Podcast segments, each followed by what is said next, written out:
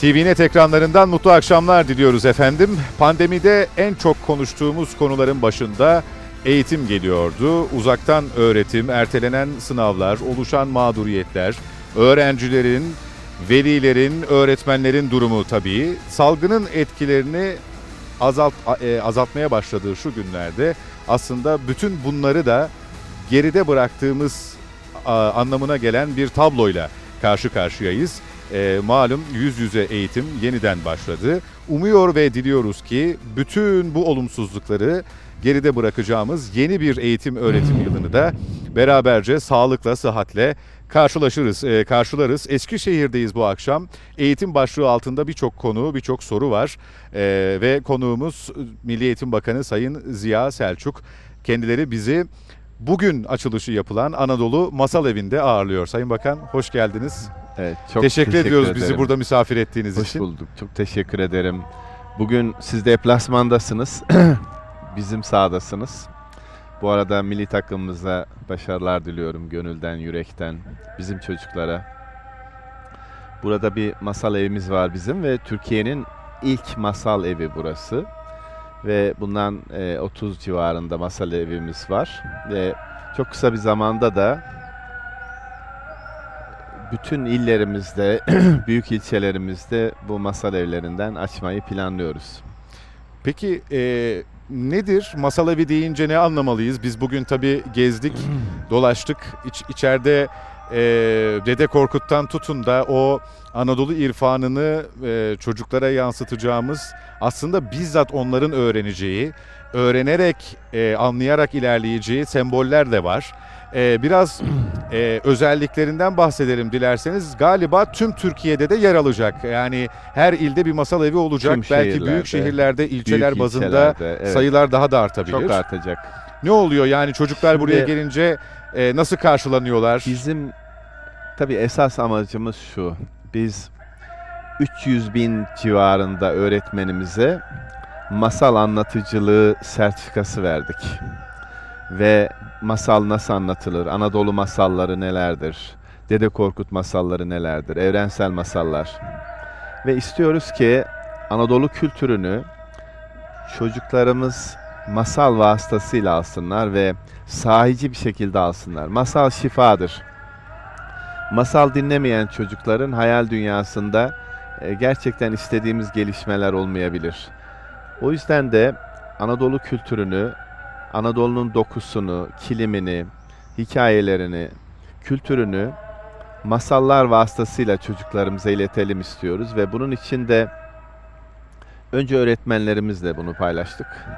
Sonra öğretmenlerimiz vasıtasıyla milyonlarca çocuğumuz masallarımızı dinliyorlar, dinleyecekler. Bu arada bir YouTube kanalımız var e, Masal Evi ile ilgili.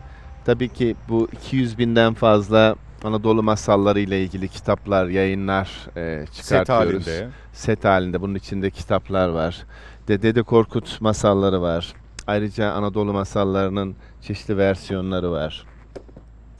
Dede Korkut hikayelerimizde de çocuklar bu masalları görme imkanı buluyorlar. Ve burada yaşayarak, dramayla, oyunla, hikayeyle çocuklar masallarımızı içselleştiriyorlar. Ve öylesine bir hani kültürel atmosfer oluşuyor ki işte tam da bu yani biz çocuklarımıza değerlerimizi nasıl aktaracağız, nasıl paylaşacağız, Ee, kuşaklar arasındaki birliktelik nasıl devam edecek şeklindeki soruların e, cevabını çok özel ve güzel bir şekilde veriyoruz. Burada sadece masal anlatmıyoruz. Aslında Ebru etkinliklerimiz var, dokuma tezgahımız, seramik atölyemiz. Bunun dışında müzik etkinlikleri yapılıyor burada, drama etkinlikleri yapılıyor. Ve bütün bunlarla beraber e, hem öğretmenlerimiz hem de çocuklarımız e, birlikte masalın atmosferine giriyorlar. Yaşıyorlar Ve adeta. Yaşıyorlar Evet. ve başka güzel bir tarafı da şu. Masal anlatıcılığını öğrenen öğretmenler kendi branş derslerinde de bu tarzı, bu yaklaşımı kullanma imkanına sahip oluyorlar. Ve şu anda 300 bine yakın öğretmenimiz bunu yapıyor. Ama e, daha çok artacak bu sayı ve Türkiye'de masal evlerinin sayısı artacak. Ve bir şekilde e, kitapların dışında hayatın olduğunu, hayatı tanımanın yollarından birinin de masallar olduğunu e, ortaya koyuyoruz ve YouTube kanalımız daha 2-3 hafta olmadı. E, şu anda 1 milyondan fazla izlenme e, oranı var. E, ve yakında bunun artacağını ve akşamları, geceleri, gündüz e, uygun vakitlerde velilerimizin de bu kanalımıza girip Anadolu masallarını çocuklarıyla paylaşacakları bir ortam var. E, psikologların, pedagogların, bizim psikolojik danışman arkadaşlarımızın gözetiminden geçmiş ve eğitsel pedagojik standartları dikkate alınmış masallar bunlar. O yüzden de çok güzel olacağını düşünüyoruz ve gerçekten e, kültürümüzle ilgili büyük bir hizmet olduğunu düşünüyoruz. Tekrar hayırlı olmasını Sağ olun, diliyoruz. sağ olun. Sayılarının hızlıca e, çoğalıp e, İnşallah. sözünü ettiğiniz o geleneğimizin, kültürümüzün e, çocuklarımıza bir an önce e, zihinlerine yerleşmesi, Tabii. hayatlarının bir parça, önemli bir parçası olmasını Ya bütün diliyoruz. o semboller, masallarda geçen işte kuyular ve diğer araç gereçler hepsi burada var ve çocuklar bunu somut olarak da hani görüp e, yapabiliyorlar. UNESCO ile e, ortak bir çalışma aslında. Onların da katkısı var burada. Onlara da teşekkür ediyoruz. Türkiye UNESCO Milli Komisyonu'nun da katkısı var. E, ve bundan sonra bu işi bütün Türkiye'de hep beraber yükselteceğiz. Peki başarılar diliyoruz Sağ olun. efendim. Gelelim gündemimize. Şimdi e, aslında geride bıraktığımız, e, bırakmaya hazırlandığımız hafta içerisinde e, kısa bir cevabınız oldu bu konuyla ilgili ama gerek yayına hazırlanırken gerek e, duyurumuzu yaptığımızda sizinle söyleşiyi gerçekleştireceğimiz için Evet. soruların başında LGS ve sonrasında atamalar geliyor. Onu biraz sona bırakacağız ama e, çokça üzerinde tartışılması istenen bir atmosfer oluşturulmaya çalışıldı LGS'nin hemen akabinde. Bir tanesi bir yayın evleri e, test kitabında benzer sorular olduğu, o kitaplara benzer sorular olduğu şeklindeydi. Diğeri de e, matematik sorularının zorluğu. E, galiba e, son kez bu konuda bir açıklama yapacaksınız. E, ben şöyle sormak istiyorum. Bir kasıt var mı bu tartışmayı çıkarmada Sayın Bakan? Sizin gözlemlediğiniz? Şimdi tabii biz eee, hani çok somut olarak ne yaptığımızın farkındayız ve Türkiye'nin en güçlü ölçme değerlendirme ekibi bizde. Ve bu sınava hazırlanan çocuklarımız için güçlü bir altyapımız var. Yani isteyen her bir öğrencimiz Türkiye'nin neresinde olursa olsun yüz yüze öğretmenleriyle görüşerek sadece bu son 17 günlük arada bir e, kesinti oldu. 31 Ağustos 2020'den itibaren isteyen her çocuğumuz ücretsiz olarak bu sınava hazırlamakla ilgili, hazırlanmakla ilgili yüz yüze okulunda ya da yakın bir okulda öğretmenlerinden bu derslerle ilgili hani çalışmaların içerisinde bulunabiliyorlar. Böyle bir imkanı herkesin var ve bu ücretsiz. Ve bunu şundan dolayı söylüyorum. Türkiye'de bu sınava bir çocuk bir kere giriyor. Bir kere girdiği için de, tekrar olmadığı için de her türlü imkana sahip olarak girsin istiyoruz. Örnek sorular yayımlıyoruz her ay. Efendim onun dışında televizyonda aynı dersleri tekrar anlatıyoruz. Hafta sonu soru çözümü yapıyoruz, tekrar anlatıyoruz aynı konuyu. Öğretmenler canlı derslerinde tekrar anlatıyor, aynı konuyu anlatıyor. Ee, çocuklarımızın e, bir şekilde bu konulara hazırlanabilmesi için EBA destek merkezlerinde internet altyapısı olan, bilgisayarlar olan ve çocuğun en yakın okula gidip de bir kütüphane gibi orayı kullanıp da çalışabileceği 15.300 merkezimiz var Türkiye'de. Yani her çocuğumuz için bir imkan oluşturulmuş vaziyette ve soru paketleri e, ulaştırılıyor. E, isterse yüz yüze, ister televizyondan, ister internetten her türlü erişim imkanı var çocuğun. Yani şunu söyleyemeyiz. E, bazı çocuklar hiçbir şekilde bir öğretmen görmedi veya ders görmedi. Böyle bir şey asla söz konusu değil. Bunu çok iddialı olarak bilerek e, söylüyorum. Bu sınavla ilgili olarak da elbette belli bir kontenjanı var. Hani %10 civarında bir kontenjan var. Bu kontenjana e, soruların düzeyine bakılmaksızın her zaman bu kontenjan dolar. Yani zor soru vardı veya kolay soru vardı, kontenjan azaldı gibi bir durum söz konusu değil. Ben bu sınavın ne kadar büyük bir sınav olduğunu, ne kadar dikkat istediğini çok iyi biliyorum ve emeği geçen tüm öğretmenlerimize özel teşekkürüm var. Tıkır tıkır işleyen bir sınav, hiçbir sorun çıkmadan ve matematikle ilgili soruların biraz zor olduğuna ilişkin e, görüşler var. Özellikle bu görüşler hani çocuklardan gelirse, öğretmenden gelirse benim için başka bir kıymeti var.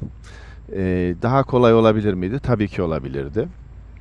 Fakat burada bir sıralama da söz konusu. Yani çocuklar belli bir sıralamayla e, buraya giriyorlar. O yüzden de e, diğer kısmını hiç konuşmayacağım çünkü tamamen dedikodu, tamamen e, bir hani yıkıcı bir e, tavır e, ve eğer öyle bir şey olsa sınavdan sonra birinci saatte, ikinci saatte zaten onu çıkartırlar. Böyle bir şey yok ve bu konuyla ilgili bahsettikleri hususlarda ilgili kişi ve kurumlar zaten suç duyurusunda bulundular. Yani Ve- burada bir maksatlılıktan söz edebiliriz. Elbette, elbette. Ama soru kısmında e, bu bakış açısına göre de değişen bir şey mi var e, Sayın Bakan? Yani e, kimine göre hani ağırlıklı görüş biraz matematik sorularının zor olduğu şeklinde ama dediniz ya kolay olabilir miydi? Olabilirdi. Fakat daha da kolay olabilirdi. Şimdi Gibi bir çok seçenek kolay çıkmayacak olduğunda sıralama yapmakta zorlanıyoruz ve çocukların bu sefer doğum tarihine göre Hmm. yerleştirilmeleri söz konusu oluyor. O bize daha adil gelmiyor. Yani Tabii. sınav sonucu bize daha adil geliyor. Ve neticede bizim kontenjanımız belli ve o kontenjanlar duruyor. Ben çocuklarımızı e, her ne sonuç olursa olsun 30 Haziran'da açıklanacak. E, kutluyorum. Çok yoğun bir çalışma yaptılar ve bu çalışmalar onlar için bir kazanç, her zaman bir kazanç. Bundan sonrası için de, lise için de bir kazanç. Ee, inşallah rehberlik hizmetleri devam edecek, tercih destekleri devam edecek. Çocuklarımızın ilgileri, yetenekleri konusunda psikolojik danışmanlarımız hazırlar. Onlara her türlü katkıyı sağlayacaklar. Öğretmenlerimiz hazırlar. Ee, velilerimize bu destekleri alarak çocuklarının e, daha iyi bir e, yönlendirmeye tabi tutulmalarına, destek olmalarını elbette söylüyoruz. Teşekkür Peki. ederim. Sağ olun. Ee, Sayın Bakan e, zor bir dönem e, geçirdik. E, dünya böyle bir dönemi e, geçirdi. Tabii ki biz ülkemizde eğitim başlığı altında e, ertelenen sınavları, e, yüz yüze eğitimi, birçok şeyi ilk kez deneyimledik, konuştuk ama tabii ki mağduriyetler oluştu, zorluklar oluştu. Bunu hep beraber yaşadık. Yani sadece tek bir kesime yönelik değil. E, şimdi şükür ki vaka sayıları azalıyor, ölüm oranları azalıyor. Ee, umuyoruz ki bu şekliyle pandemiyi atlatalım. Ee, aşılanma bir yandan hızla devam ediyor. Dilerseniz e, pandemi ve eğitim e, konusunun diğer detaylarına geçmeden aşılanma öğretmenlerde, öğretmenlerimizde ne aşamada oran olarak e, ve ne zaman tamamlamayı planlıyorsunuz? Şimdi bu konuda özellikle bir şey söylemek isterim. Biz Şubat ortasında, geçtiğimiz Şubat ortasında hekimlerimizden sonra ilk meslek grubu olarak öğretmenlerimizin aşılanması sürecini e, zaten başlatmıştık. Sağlık Bakanlığımız bu konuda gereken tedbiri hızla aldı. Ve şu anda yine geçen hafta da e, ilan edildiği gibi Sayın Sağlık Bakanlığımız, Sağlık Bakanlığımız da bunu e, duyurdular. Tüm öğretmenlerimizin aşısıyla ilgili işlem, randevu işlemi tamamlandı. Ve bizim artık hani bundan sonra e, öğretmenlerimizin üçte biri, üçte ikisi, yarısı vesaire işte e, sisteme girdi diye bir şey söz konusu değil. Tümü, tüm öğretmenlerimiz, resmi özel okullardaki tüm öğretmenlerimizin aşı randevusu açıldı geçen hafta ve bu konuyla ilgili de süreç yürüyor. Zaten çok kısa bir zamanda hemen birkaç hafta içinde de bu tamamlanır. Ee, ve o açıdan da ben sağlık çalışanlarımıza, Sağlık Bakanlığımıza özel teşekkür ediyorum. Ee, çünkü bu konuda o kadar yakın ve işbirliği içinde çalıştık ki e, ve iyi de bir sonuç ortaya çıktı ve süreçte aşılanma hızlandı ve Eylül'e kadar zaten Sayın e, Sağlık Bakanımızın, Sağlık Bakanlığı'nın açıkladığı şekilde 18 yaşa kadar bu iş zaten inmiş olacak. Tabii tabii her gün yeni sektörler ekleniyor Sayın Bakan. İnmiş olacak ve biz inşallah önümüzdeki süreçte e, tam zamanlı olarak okullarımızı Eylül başında açalım ve eğitim öğretimimizi yüz yüze yapalım. E, niyetteyiz, ona göre çalışıyoruz. Benim Eskişehir'de olmamın bir başka nedeni de il müdürlerimizi, milli eğitim müdürlerimizi Eskişehir'e davet ettik. Buraya geldiler. Onlarla önümüzdeki bir buçuk yıl nasıl gidecek? Efendim 21 Haziran'a kadar ne yapacağız? 21 Haziran'dan sonra ne yapacağız? 5 Temmuz'dan sonra ne yapacağız? Bunların hepsinin ayrıntısını konuştuk. Teknik detayları ayrıntılı olarak ele aldık. Ve e, il müdürlerimizi çağırıp onlara soruyoruz ki e, onlar kendi şehirlerindeki durumu bizden çok iyi biliyorlar. O yüzden de bu sürecin nasıl olması gerektiği konusunda tüm il müdürlerimiz, 81 il müdürümüz katkı sağladılar. Peki e, Sayın Bakan aşılama konusunda bir oran veremeyeceksiniz zannediyorum öğretmenlerle ilgili Bu- ama e, birkaç hafta içinde tamamlanacak Evet, demi- e, evet. demiş Tabii, olmanız tabii, tabii. Eylül'e hazırlıklı girilmiş Tabii olacağız. çoktan hazırlanmış olacağız Peki. tabii. Ee, Eylül ayı normal bir şekilde sezonun başladığı, yeni eğitim öğretim yılının başladığı dönem olacak dediniz. Evet. Ee, tabii İl Milli Eğitim Müdürleri toplantılarınız e, o zamana kadar devam edecek. E, belki daha da sıklaşacak. Tabii. E, il bazında bir takım değişiklikler Sağlık Bakanlığı ile de tabii koordineli olduğu için bu kısım o yüzden soruyorum. E, bu şekilde giderse zaten ekstra bir e, süreye ya da bir farklı zamanlamaya ihtiyaç yok gibi gözüküyor. Evet. Ama yine de konuşulan konular arasında mı? İşte büyük şehirlerde vaka oranlarıyla doğru orantılı e, çocuklardaki durum yani il ilçe bazında değerlendirilip işte bir kısmı Eylül'de bir kısmı Ekim'de gibi bir Evet. e, periyoda programa tabi tutma ihtimali var mı? Şimdi bizim e, her zaman e, hani söylüyorum bizim yaza göre de kışa göre de tedbirlerimiz var. Çünkü anlık olarak değişebilen, haftalık olarak değişebilen bir e, tabiata sahip bu süreç. O yüzden de hani neden açıyorsunuz, neden kapatıyorsunuz dediklerinde çok net olarak önce sağlık da onun için diyoruz. Çok net olarak eğitim önemli de onun için diyoruz. Ve öğretmenlerimizle ilgili bir risk doğduğunda ki yine hekimlerimizden aldığımız bilgiye göre çocuklarımızla ilgili riskimiz hani yok denecek kadar az. Bunu dünyadaki literatür de gösteriyor. Ama biz bu süreçte e, öğretmenlerimizin durumuna bakarak genel Türkiye popülasyonunun e, salgınla ilgili e, istatistiklerine bakarak elbette şöyle olursa şunu yaparız, böyle olursa bunu yaparız diye hazırlanıyoruz. Ama bizim birinci senaryomuz şu anda Eylül'de okulları tam olarak açmak. Başka bir sıkıntı çıkar da Türkiye'de genel bir problem olur da dünyada genel bir problem olur. Bütün ülkelerde başka bir istatistiksel tablo çıkar Eğitime yansıyan. eğitime yansıyan ya da başka sektörlere yansıyan o zaman biz tümüyle elimizdeki seçenekleri devreye sokarız. Bizim e, hazırlıklı olmamız kimi zaman hani sizin senaryolarınız işte çok fazla e, deniliyor bazen. Biz hiçbir şekilde ihmale gelmeyen bir işle ilgileniyoruz. Ve çocuklarımızın eğitimi ihmale gelmez. Öğretmenlerimizin sağlığı ihmale gelmez. O yüzden de şöyle olursa şöyle olursa diye bunun emin olun mevzuat e, ihtimallerini bile gözden geçirip çalışma yapıyoruz.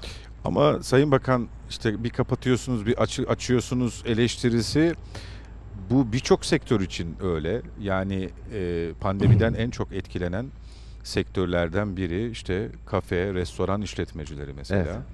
E, onlar da bu işin sağlığımız için olduğunu biliyorlar ama bir yandan da sorumlulukları gereği e, eve ek- ekmek götürmek zorundalar. Birçoğu zor durumda kaldı, kapatmak durumunda kaldı.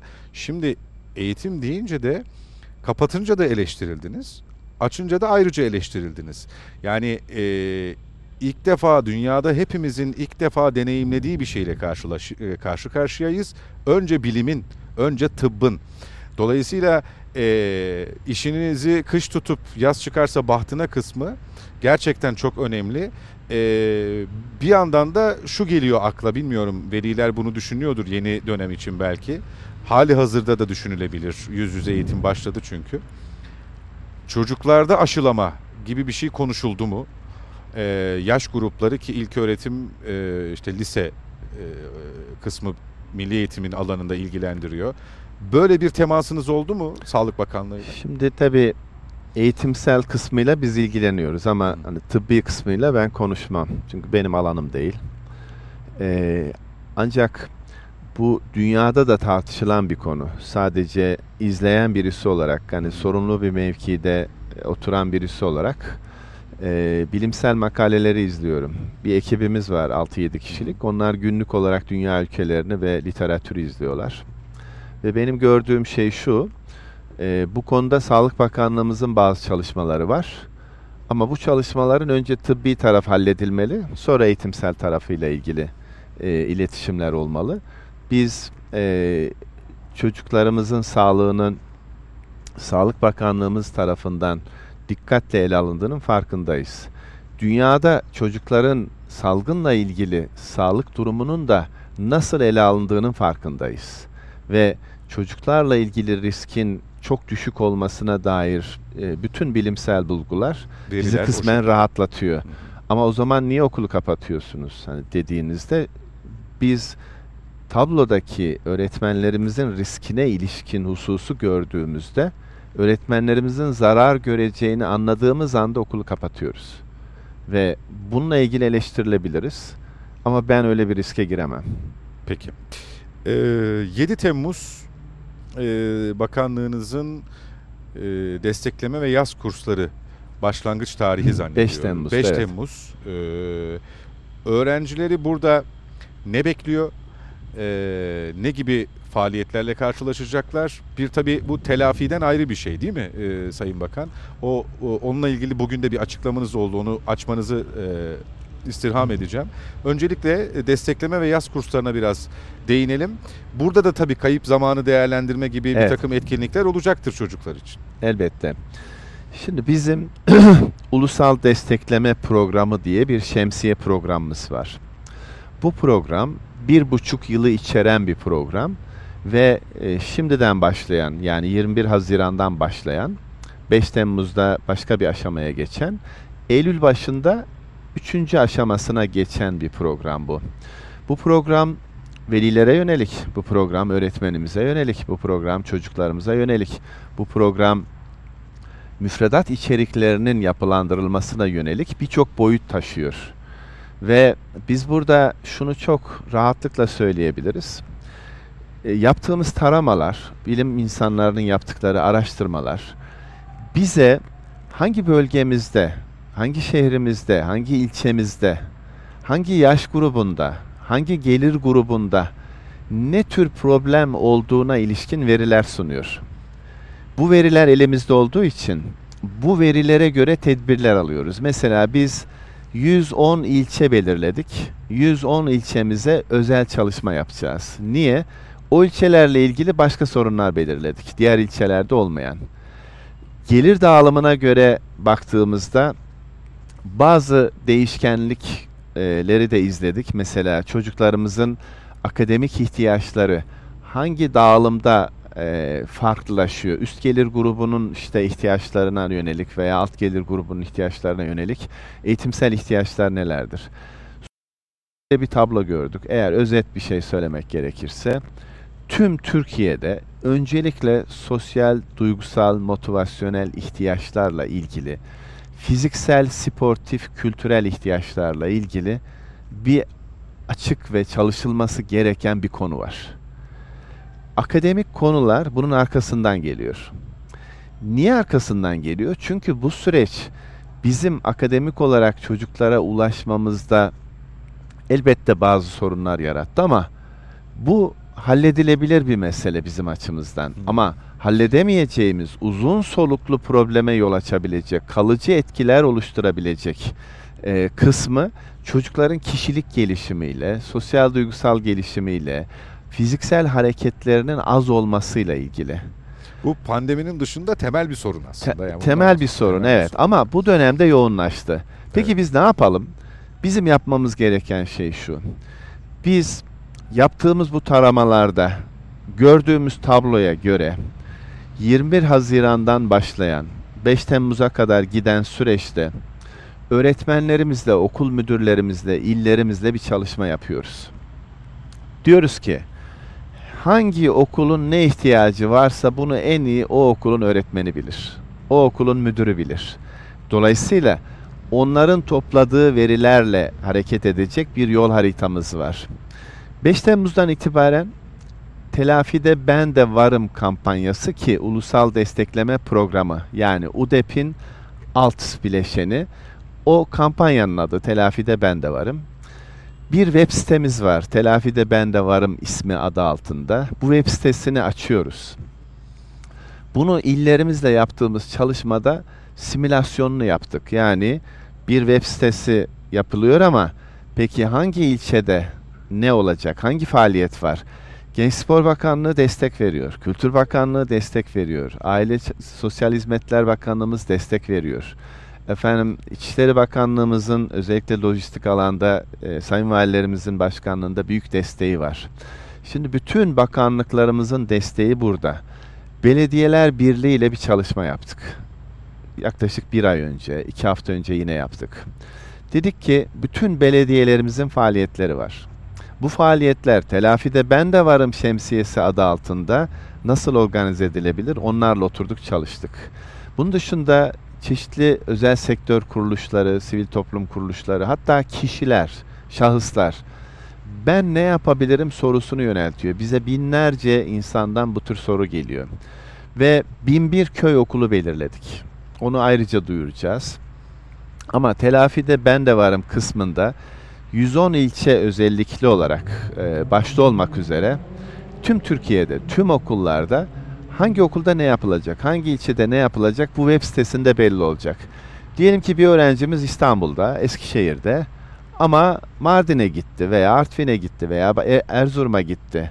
Peki o öğrenci orada ne yapacak? O öğrenci bulunduğu ilçede nerede oturuyorsa, nerede kalıyorsa o ilçenin web sitesine tıklayacak. Çünkü her şehir ve her ilçe var.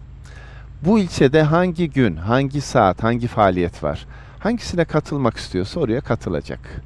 Bu kadar basit bir sistem ve gençlik kampları, bilim kampları, işte e, yaz okulu niyetine birçok e, etkinlik, akademik içerikler ama özellikle sosyal, duygusal ve fiziksel etkinlikler. Bunlara çok ağırlık veriyoruz. Çünkü spor gerçekten çok önemli ve çok çok vurgulamalıyız. Hareket etmeyen bir çocuğun zihinsel gelişimi de e, sıkıntıya girer, duygusal gelişimi de sıkıntıya girer. O yüzden spora ağırlık vermeliyiz. Bunu tam olarak ne zaman duyuracaksınız? Bir de o köy Şimdi okulları bugün- kısmı ilgimi çekti. Bugün şunu yaptık, il müdürlerimizle beraber. Bu çalışmanın esasları ne olacak? Onları kararlaştırdık. Bugün de Türkiye'ye duyurduk. Hemen ikinci aşamada e, 21 Haziran'dan itibaren öğretmenlerimize destekleyici materyaller ve içerikler e, sunuyoruz. Onları iletmiş olacağız 21 Haziran'dan önce. Ama 5 Haziran'da web sitemizi açıp bütün iller kendi ilçelerinde hangi faaliyetlerin olduğunu oraya işlemiş olacaklar. Bu faaliyet Genç Spor Bakanlığı'nın bir kampında mı? Bilim Sanat Merkezi'nde mi? Bir okulda mı? Veya bir atölyede mi? Nerede olduğunu orada saatini, yerini, ma- zamanını, her şeyini orada görecek velilerimiz. Ee, ve ondan sonra da bu devreye girecek.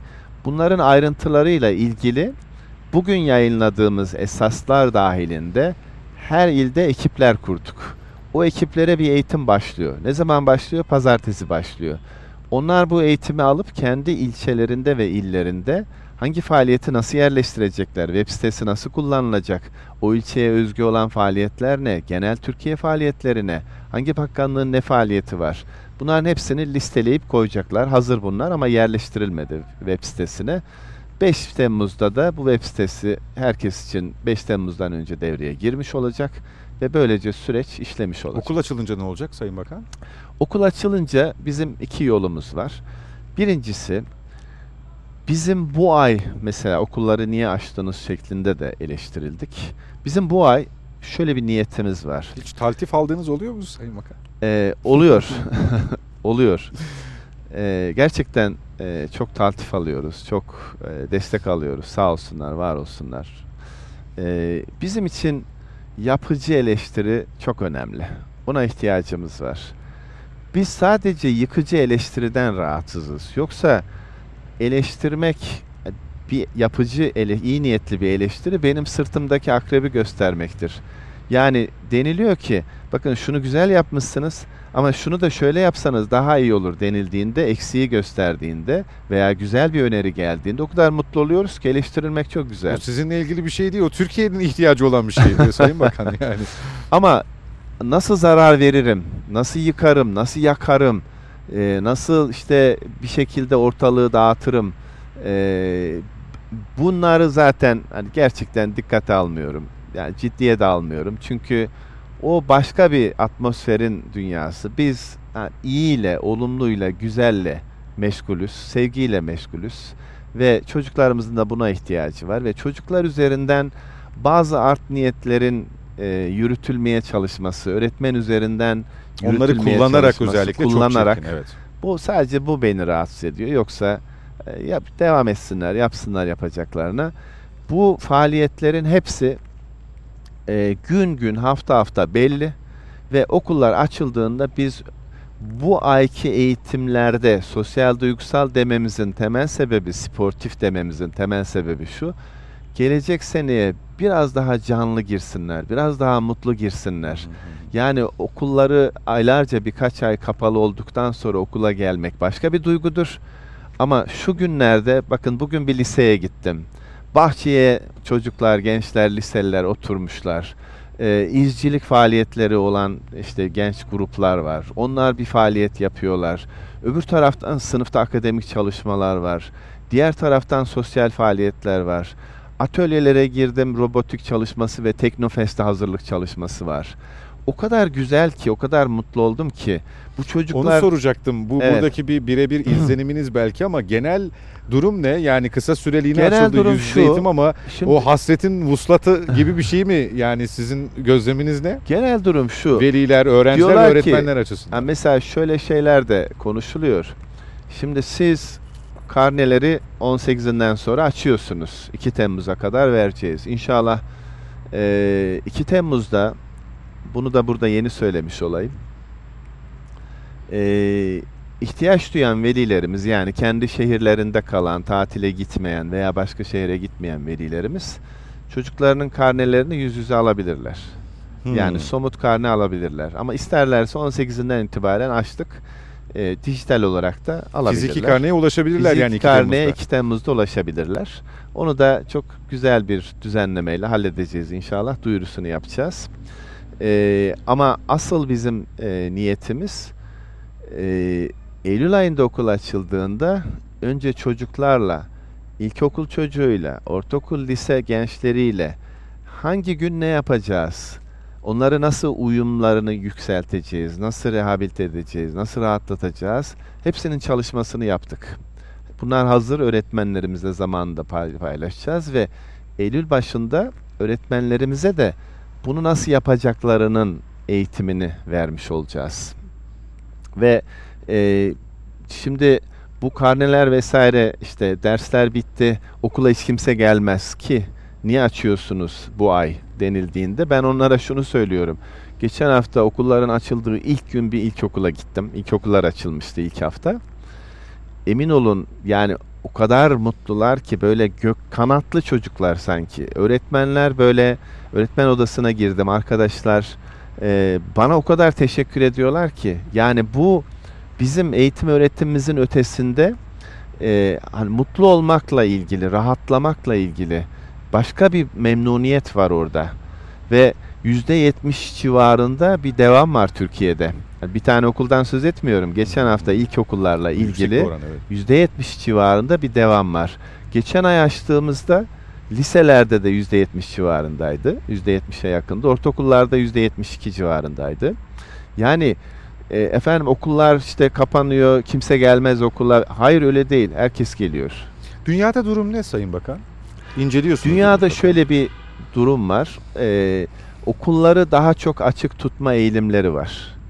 Bizde biraz fazla kapalı kaldı ama e, bizde e, 100 binde bir görülen haftalık olarak 100 binde görülen vaka sayısına bakarak o vaka sayısının okullardaki durumuna bakarak biz şunu yapabiliyoruz. Her bir öğrencimizin ailesinde temaslı ve pozitif sayısı kaç tanedir? Okul öncesi grubunda, ilkokul 3'lerde, işte lise 1'lerde kaç tane vardır? Toplamda kaç tane vardır? Peki genel popülasyonda ne kadardır da okullardaki çocuklarımızda ne kadardır diye baktığımızda %20 civarında okullarda daha düşük gördük. Bunu hmm. aylar itibariyle hesapladığımızda bunu fark ettik. Dünyada okulu daha çok açık tutma. Mesela 10 yaş altına maske taktırmıyorlar. Yasak maske takmak. Ee, diğer çocuklara çok sınırlı olarak maske taktırıyorlar. Ee, öğretmenler tam zamanlı okuldalar. Ve e, özellikle kıta Avrupa'sında açık tutma eğitimi eğilimi çok yüksek. Çok nadir ülke var tamamen kapatan. Ama bizim gibi OECD ülkeler arasında çok kapatan ülkeler de var. Biz de ilk beşin içerisindeyiz. İşte bu ülkedeki vaka sayısı o dinamiklerle ilgili bir şey. Tabii. E, aslında. Şimdi e, sorular arasında vardı. O bölümü geçtik ama yüz yüze eğitim e, kısa süreli de olsa açıldı, devam ediyor. Yeni sezonda e, EBA TV'ye, online eğitime e, evet. e, çocuklar öyle ya da böyle alıştı. Bu bir yönüyle e, bize bir şeyi denetti, deneyimletti e, diğer yönüyle de aslında e, biraz hareketsizliğe, o sözünü ettiğiniz duygusal gelişimle ilgili evet. bir takım e, olumsuzluklara neden oldu. Eylül'de yeni sezon okulu açtık. Pandeminin etkileri devam ediyor ama minimize oldu. E, şu anda da var ya, dileyen online olarak eğitime devam edebilir. Hani aşırı tedirgin aileler de var Sayın Bakan. Yani size de geliyordur. Ee, siz tamamen açtığınız o yüzde yetmiş, yüzde yüzü bile görse devamlılık yüz yüze eğitimde o tedirginliği devam eden aileler, veliler var. Orada bir alternatif olarak ya da online eğitim dene, yani deneyimlenmiş, tecrübe edilmiş bir şey olarak duracak mı? Böyle bir seçenek olacak mı her zaman? Şimdi bizim niyetimiz tümüyle yüz yüze yapmak. Ee, ancak dünya çapında bir tecrübemiz oluştu ve ben hep hani bilerek ve iddialı olarak da söylüyorum. EBA'nın dünyada birinci olması hani durup dururken olmadı. Çok ciddi bir altyapı çalışması yapıldı. Ve bununla ilgili e, dünyaya baktığımızda dersler bazında e, yayın yapabilen televizyonu olan 2-3 tane ülke var. Dersler bazında yayın yapabilen. Burası çok önemli. Yani Türkçe 4, matematik 5, fen 7 gibi ders bazında yayın yapılabilen 2-3 ülke var. Birisi Türkiye. İşte EBA'nın dünya birincisi olması, canlı ders sayısında dünyada ilk sırada olmamız. Bütün bunlar çok önemli gelişmeler ve geleceğe ilişkin olarak da dünyaya baktığımızda hibrit eğitim, harmanlanmış eğitim çok yükselen bir değere sahip.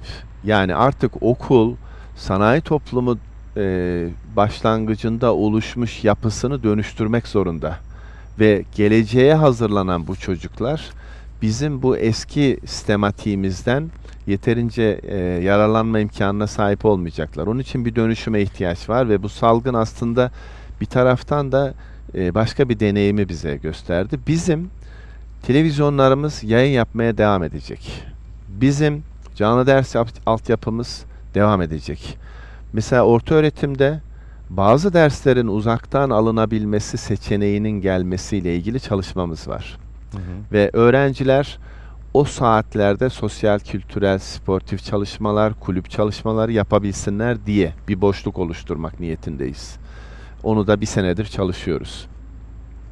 Yani ee, müfredatın bir parçası haline gelecek. Bir parçası haline elbette gelecek. Özellikle liselerden başlayarak Hı. gelecek. Şimdi her zaman istisnai problem e, durumları olabilir. Bazı çocuklarımız e, salgından önce de kronik rahatsızlığa sahipti. Bazı çocuklarımızın ailesinde kronik rahatsızlığı olan insanlar vardı. Şimdi bütün bunları toparladığımızda e, sistem yüz yüze eğitimi ana e, amaç olarak ortaya koymalı. Ama istisnai durumlarda eğer salgınla ilgili bilim kurulunun da e, görüşlerini dikkate aldığımızda, Sağlık Bakanlığımızın görüşlerini dikkate aldığımızda eğer çok küçük de olsa istisnalar bırakmakla ilgili bir zaruret oluşursa bizim tedbirimiz zaten hazır. Ama bizim birinci gayemiz tam zamanlı yüz yüze açmak. Peki. Ee, hiç istemeyiz. Geçen yıldan böyle bir tecrübemiz var. Vaka sayılarını düşürmüştük ama en önemli eksiğimiz çarenin olmaması, tedavinin olmamasıydı ya da güç şartlarda olmasıydı. Aşı aşılama çalışması hızlandı. Ee, hem yaş grupları açısından hem çeşitli sektörler açısından Sağlık Bakanlığı Sayın Cumhurbaşkanı duyuruyor. Ee, hiç istemediğimiz bir tablo, hiç de arzu etmediğimiz bir tablo ama olası bir artışta e, okulları da açtık. E, fakat e, denetim yani şimdi öğretmenlerin aşılanmasından bahsediyoruz ama okulda diğer çalışanlar var. Hepsi aşılanıyor. E, hepsi Tüm aşılanıyor. Onu da e, duyurmuş olalım bu vesileyle. Denetleme noktasında e, bakanlığınız e, ne yapıyor, ne gibi faaliyetler yürütüyor? Şimdi bizim bu şu anda da e, olan bir şey aslında. Tabii tabii. Bizim okulların hijyeniyle ilgili yayınladığımız standartlar, efendim el kitapları, velilere yönelik el kitabı, okul yöneticilerine yönelik el kitabı, okulun kurum olarak el kitabı, bütün bunların hepsi bir okulda ne yapılacağını adım adım söylüyor. Ve bizim hijyen harcamalarımız bir yıl içerisinde 10 kat arttı. 10 kat arttı. Ve buna devam edeceğiz. Şanslı olduğumuz taraf üretimini meslekseleri yapıyor. Dolayısıyla bir sıkıntı yaşamıyoruz. Ve ileriye dönük olarak da gelecek aylarda da okullar açıldığında bu standartların devam etmesi noktasında her türlü tedbirimiz e, söz konusu ve biz bir okulun e, bu standartlara uyup uymadığını dış denetçiye yaptırıyoruz. Yani okul yöneticilerimize ya da Bağımsız görevlilere olsun. yaptırmıyoruz. Yansız olsun. Bağımsız e, gruplara yaptırıyoruz ki dışarıdan bir göz gelsin de belki içeridekiler onu göremeyebilirler. Ama şunu da yaptırıyoruz. Okul bir öz değerlendirme yapıyor. Hı. Biz sizin standartlar listesinde şunlar da şunlar da iyiyiz, şunlar da şunlar da eksiğimiz var diyebiliyor okul. O öz değerlendirmeye dış denetçiler gelip bir daha bakıyorlar. O ne kadar makuldür, neler eksik olabilir ya da olmayabilir e, diye tekrar bakıyorlar ve böylece e, okulların temizliği konusunda bu süreç devam ediyor, yürüyor. Peki. Ee, içinde Sayın Cumhurbaşkanı'nın notunun da bulunduğu evet. e, benim oyun sandığım seti e, Filistinli çocuklar için Ankara'dan uğurlandı.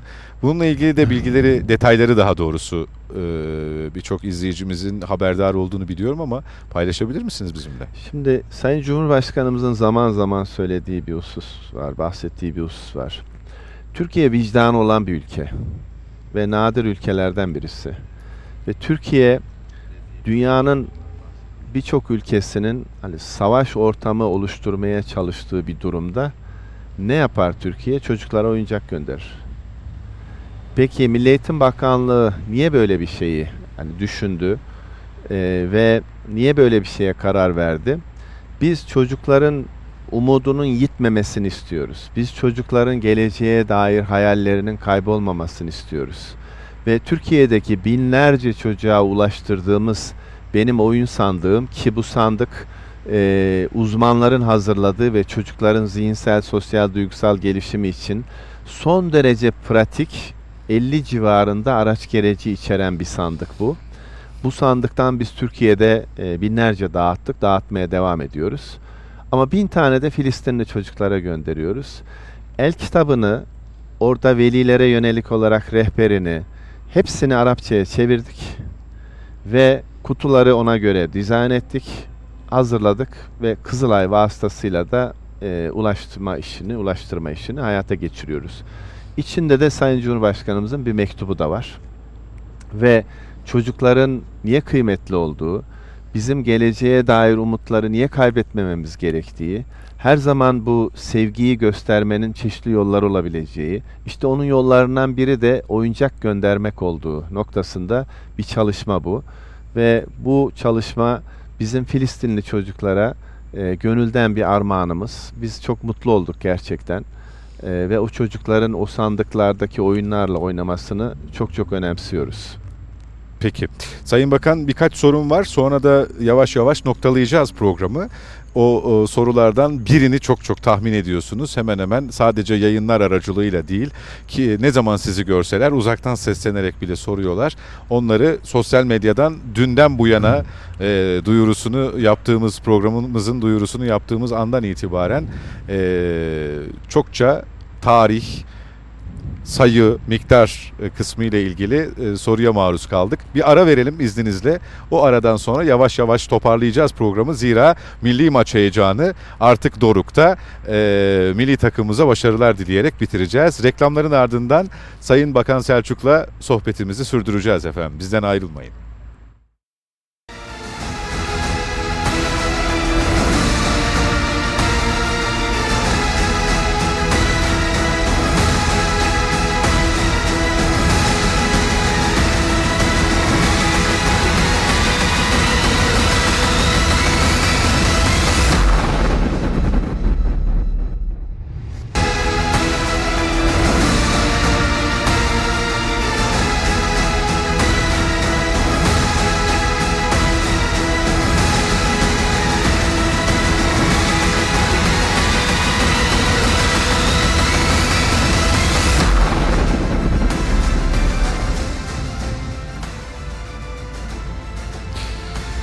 Efendim Net Bakış Özel'desiniz. Özel konuğumuz Milli Eğitim Bakanı Sayın Ziya Selçuk. Eskişehir'den yapıyoruz bu yayını bu akşam. Anadolu Masal Evi'nden, Masal Evlerinin ilkinden aslında açılışının bugün gerçekleştirildiği bahçeden. Sayın Bakan pandemide öğrencilerin, velilerin durumundan bahsettik, mağduriyetlerden bahsettik. Biraz değindik ama açmakta fayda var. Zira e, onlar olmasaydı biz bugün burada olamazdık. Ee, öğretmenler, onlar da gerçekten psikolojik olarak, duygusal olarak müşkül bir dönemi geride bırakıyorlar.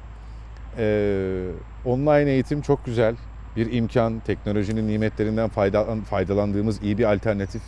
Fakat gerek kulağıma gelen, gerek size gelen, gerek benim bizzat tanıklık ettiğim o bilgisayar başında, tablet başında, evde öğrenciler, işte öğretmenlerin de bazı bazıları evlerinde e, shift olarak, vardiyalı olarak okullarda katıldılar bu online eğitime. Seslerini duyurmakta zorlanıyorlar, disiplini sağlayamadılar. Dolayısıyla bir yıpranmışlık söz konusu zihnen. E, onlarla ilgili de bir e, planlama e, var mı? Bir programa tabi tutulacaklar mı? Şimdi öğretmenler aslında bu sürecin e, gerçek kahramanlar. Şundan dolayı dünyada ilk kez ortaya çıkan bir şeyi bir uzaktan öğretim, uzaktan eğitim meselesini bu kadar kısa sürede ilk başlangıçta ilk 2-3 ay biraz önce bahsettiğiniz problemler oldu. Yani e, altyapı ile ilgili sorunlar oldu. E, bazı programlara erişimle ilgili sorunlar oldu. E, ama bu bütün dünya için geçerliydi. Yani bizim erişimle ilgili sorunumuz elbette var ama mesela çok net bir bilgi hani Fransa'da da var yüzde ona yakın işte Silikon Vadisi'nde de var ee, diğer ülkelerde Portekiz'de de var. E bu aşırı yüklenme beklenmedik bir tablo. Şimdi durum. hiçbir ülke salgın olursa bir eğitim altyapısı için bir altyapı oluşturayım dememiş. Tabii ki bizim de öyle bir e, beklentimiz olmadığı için biz de yapmamışız. Ama şunu rahatlıkla söyleyebilirim.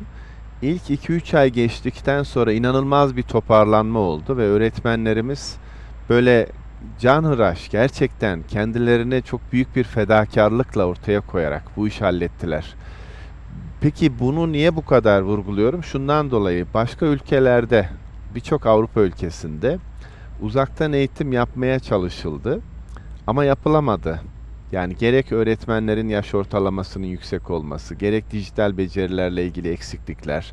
Ama bizim öğretmenlerimiz hemen birkaç ayın içinde toparladılar ve süreci yüklendiler. Ve bu süreçte veliyle iletişimde bir değişim başladı. Yani WhatsApp gruplarında ya da başka şekilde sürekli bir etkileşim ihtiyacı doğdu.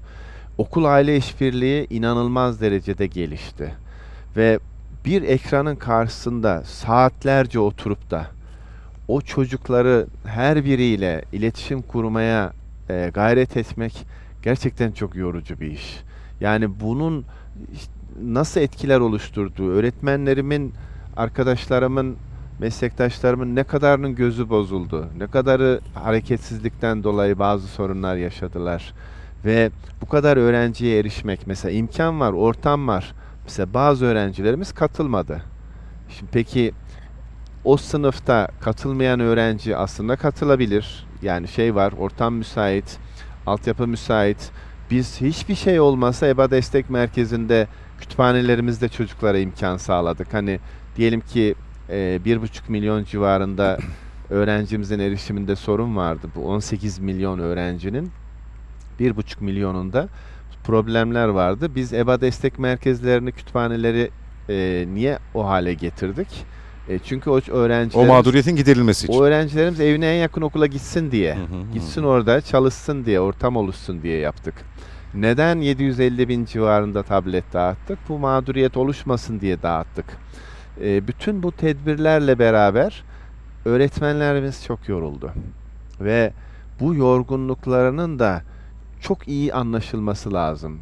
Ve bizim bunu anlamakla ilgili tabii çabalarımız da var. Yani mesela bir hafta daha 2 Temmuz'dan sonra e, 5 Temmuz'dan itibaren bir hafta daha öğretmen eğitimi var normalde süreçte.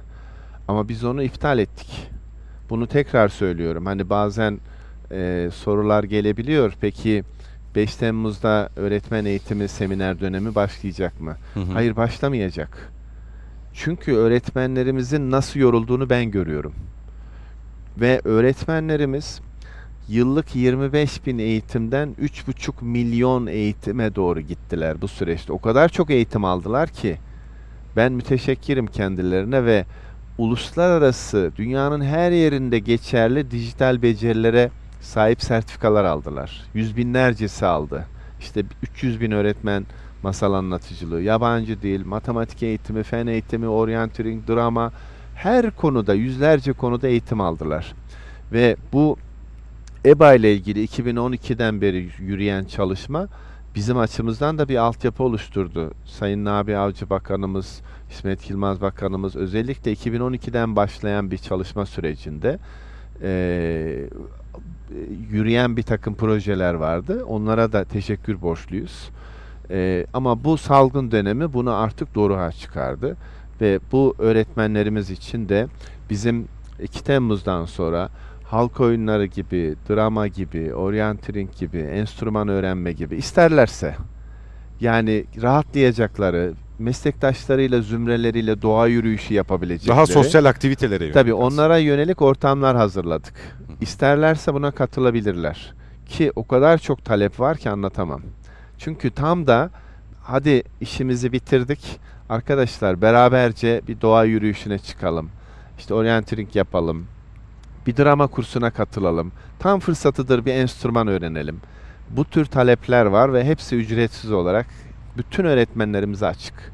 Dinlensinler, hazırlansınlar. Eylül'de inşallah hep beraber çok güçlü bir şekilde yürüyeceğiz öğretmenlerimizle beraber.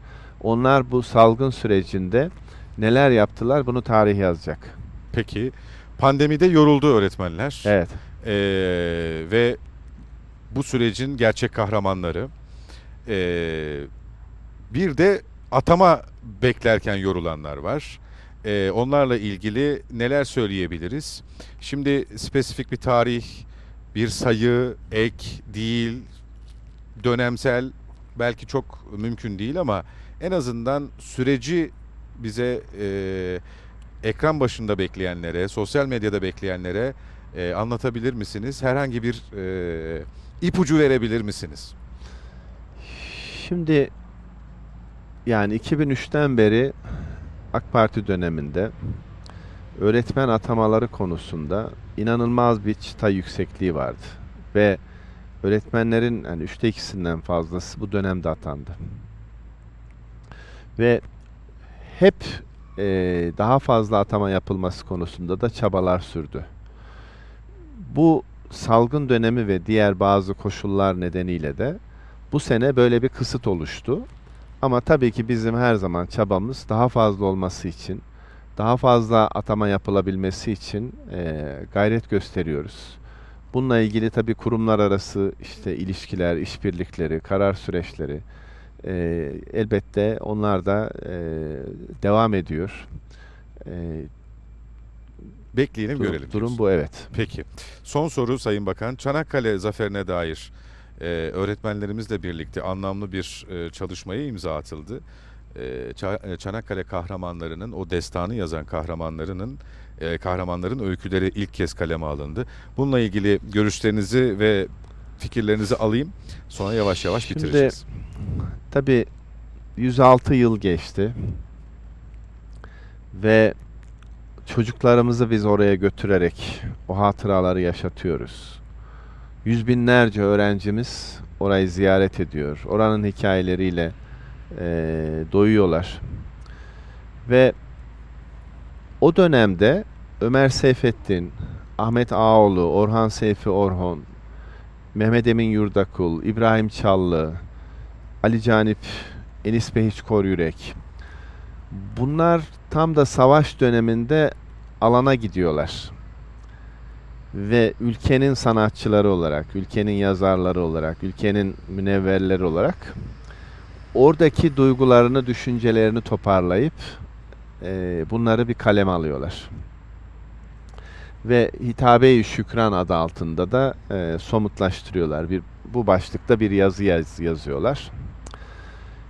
O günden beri çocuklarımıza yönelik yaş grupları da dikkate alınarak ve gerçekten eee, bilimsel veriler eee, çerçevesinde bir yayın yapma eee, çalışması elbette eee, gayretleri var. Ama biz şunu yaptık. Eee, bizim kalemi çok kuvvetli öğretmenlerimiz var. Onlara rica ettik. Dedik ki, hocam sizi Çanakkale'ye götürelim. Bir 10-15 kişilik grup. Ve onlar Çanakkale'de bir zaman geçirdiler. Günlerce kaldılar. Yani ve- bir daha önce gittikleri okul gezisi gibi değil. Değil. Hı hı. Aynen Ömer Seyfettin'in gittiği gibi, aynen Ahmet Ağaoğlu'nun, Orhan Seyfi Orhan'ın gittiği gibi gittiler. Ve orayı teneffüs ettiler. Oranın kahramanlarını yeniden gözden geçirdiler ve hangi kahramanla özdeşleştiyse yazar, onun hikayesini yazdı. Ben bunu seçiyorum dedi. Ve bu seçki oluştuğunda 10 kitaplık çocuklarımız için bir kitaplık oluşturduk ve bunun yüz binlercesini dağıtacağız. Alan başkanlığımıza teşekkür ediyoruz bunun için. Kültür Bakanlığımızla beraber bir faaliyet yaptık. Ve Milli Eğitim Bakanlığı bunu sürdürecek. Bizim o kadar çok kahramanımız var ki diyelim ki Arap Girli Miralay Cevat Bey donanmayla ilgili inanılmaz başarıları olan müthiş bir şahsiyet. Efendim işte eee, Kaymakam Selahattin Adil Bey ve benzerleri birçok kişi bunların asla unutulmaması lazım ve onların hukuklarının korunması lazım. Çocuklarımızın Çanakkale'yi böyle hani sloganla değil de gerçek hikayeleriyle, sahici hikayeleriyle, bilimsel hikayeleriyle eee, yeniden yeniden almaları ve o kültürü yaşamaları, yaşatmaları lazım. Buna ihtiyacımız var. Çünkü biz bu topraklarda hep hani e, babaannemin söylediği sözü söylerim. Ot kökü üstünde biter. Ve biz bu konuda birlikteliğimizi korumalıyız.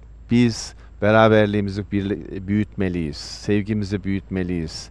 Bu topraklarda yaşayan herkesin kardeşliğini, birliğini büyütmeliyiz. Yine babaannemin bir sözü var. Dudak bir deyince bir olur, yat deyince yat olur der. Yani bir dediğinde dudaklar yapışır birbirine değer. Yat yani yabancı dediğinizde dudaklar birbirine değmez. Ee, bizim birlik içinde olabilmemiz ve geleceğe yatırım yapabilmemiz için bu çocuklara Çanakkale ne demek? Bunu çok daha güçlü bir sesle vurgulamamız lazım. Bu çalışma onun çalışması. Peki. Çok teşekkür ediyorum Sayın Bakan. Ee, heyecanın doruklarda olduğu dakikalar. Evet. Aslında Evet. onu da çok özledik. Futbolu seviyoruz yakından izlemeyi, takip etmeyi. Ee, millilerimiz İtalya ile karşı karşıya gelecekler. Beraber izleyeceğiz yayından sonra. Ee, bir skor tahmini böyle çok yapar mısınız bilmiyorum ama son dönemdeki performansını da göz önünde bulundurursanız Evet. e, milli takımın, bizim çocukların Böyle bir şey var. Hani rüyamda gördüm bir 2-1 gibi bir şey gördüm. Aa çok Ee, güzel. Ama e, elbette bu benim e, bu bizim çocuklar olduğu için e, hayalim, Hı hı. arzum, beklentim. Bir kez daha başarılar dileyelim. İnşallah. Ee, Başarılar şampiyona boyunca Evet. A milli futbol takımımıza çok teşekkürler efendim. Çok teşekkürler. Bizi sağ böylesine güzide bir mekanda masalsı Eskişehir Anadolu Evet. Masal Evi'nde ağırladığınız için ve sorularımızı yanıtladığınız Çok teşekkür için. ederim. Sağ olun. Sağ olun. Var olun. Net Bakış özeli noktalıyoruz efendim. Yeniden birlikte olmak dileğiyle Eskişehir'den mutlu akşamlar. Hoşçakalın.